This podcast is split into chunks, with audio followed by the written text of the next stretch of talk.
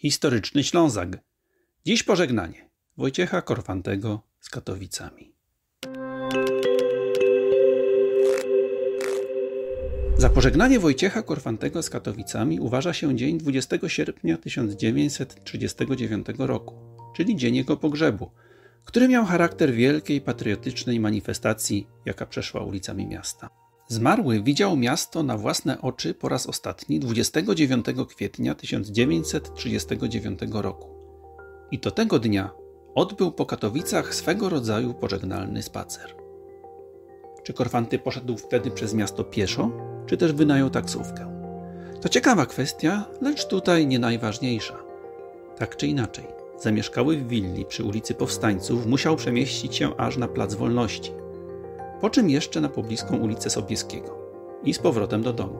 Załóżmy, że nie wybrał się tą samą drogą w obie strony.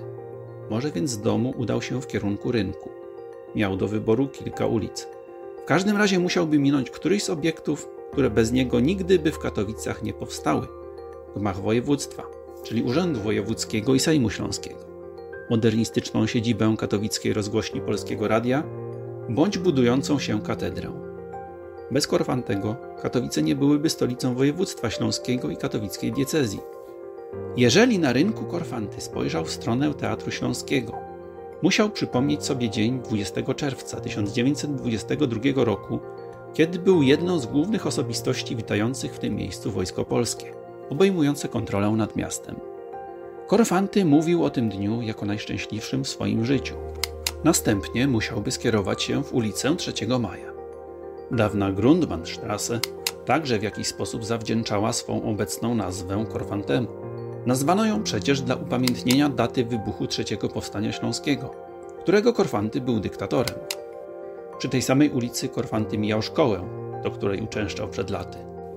Z kolei na Placu Wolności, gdzie zgłosił swe przybycie w prokuraturze, napotkał powstańczy monument, grób nieznanego powstańca, zwany płytą powstańców.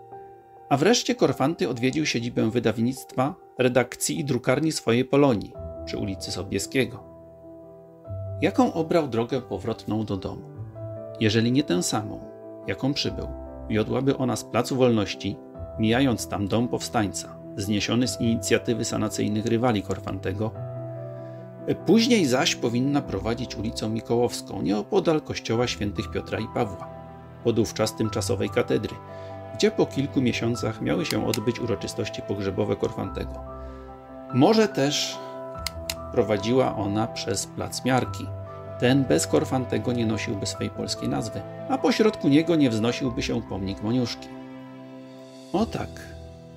Ostatni w życiu spacer, czy też przejażdżkę po Katowicach, Korfanty odbył przez miasto, które w pewnej mierze sam stworzył. I było to tak, jakby się z nim żegnał. Nazajutrz rano Korfanty został aresztowany i natychmiast wywieziony do Warszawy. Kolejny raz do Katowic przybył już w trumnie.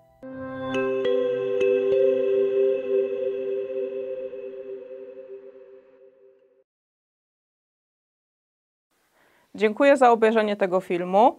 Subskrybuj nasz kanał, zostawiaj lajki, komentuj, byle pozytywnie i zapraszam Cię do obejrzenia kolejnego filmu.